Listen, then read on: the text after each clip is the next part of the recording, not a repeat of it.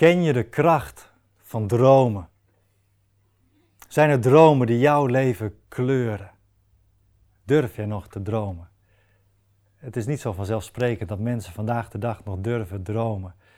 Veel mensen zijn bang om een droom na te jagen of te denken, zo zou het kunnen worden. Maar Jozef is iemand die ons kan leren dromen. En de Bijbel zegt in Genesis 37 vanaf vers 5, op een keer had Jozef een droom. En toen hij die aan zijn broers vertelde, kregen zij een nog grotere hekel aan hem. Moeten jullie nu eens horen wat ik heb gedroomd, zei hij. We waren op het land schoof aan het binden. Toen kwam mijn schoof overeind, bleef rechtop staan. En jullie schoven gingen om die van mij heen staan en bogen daarvoor. Zijn broers zeiden: Dacht je soms koning over ons te worden? Wil jij over ons heersen? En vanwege dat gepraat over zijn dromen gingen ze hem hoe langer hoe meer haten. Ja, dromers die kunnen gehaat worden. Vooral door mensen die niet durven dromen of kunnen dromen. Dan komt er weer iemand met zo'n mooi visioen van hoe het zou kunnen zijn. En, en dat steekt, want waarom hij of zij wel en jij niet? Wat maakte Jozef nou zo bijzonder? Voordat hij die dromen kreeg, had hij van zijn vader een mantel gekregen.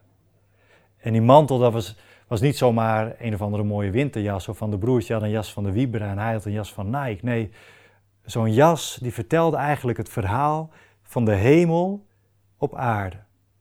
En met dat Jozef zo'n hele mooie jas kreeg van zijn vader, zei zijn vader er eigenlijk mee: Ik heb gezien dat God een bijzonder plan heeft met Jozef. En daarom krijgt hij een hele mooie jas om dat te laten zien. Daar begon al een stukje wrok. Die wrok werd bitterheid. Bitterheid kan uitgroeien tot onverschilligheid. Er zijn mensen die niet durven dromen, die niet kunnen dromen, en anderen van ons die dat vermogen wel hebben. Ik weet nog dat ik als jongetje van vier op het balkon stond van onze flat in Amersfoort. Het was een hele warme dag en ik stond er in mijn Adams kostuum in zo'n zo'n pierenbadje. En beneden liepen mensen langs en ik kreeg in één keer een fantastisch idee. Je zou kunnen zeggen een droom. Ik dacht, laat ik die mensen die daar nu lopen zegenen met water. En ik pakte een bakje met water en ik, ik gooide het over en uit. En ik stond er tussen die spijlen te kijken. En wat deden die mensen?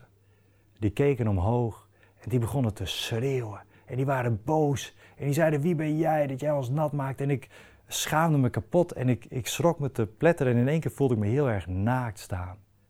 Trok ik mij terug in mijn badje en die dag gebeurde er iets met mij.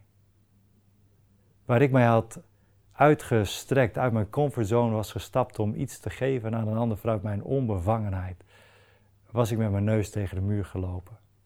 En dat hebben we allemaal meegemaakt in ons leven. En als er maar vaak genoeg gebeurt, dan leer het wel af om te dromen. Maar dat zijn de dromers die onze wereld kunnen maken tot een betere plek. En daarom wil ik je oproepen, durf te dromen.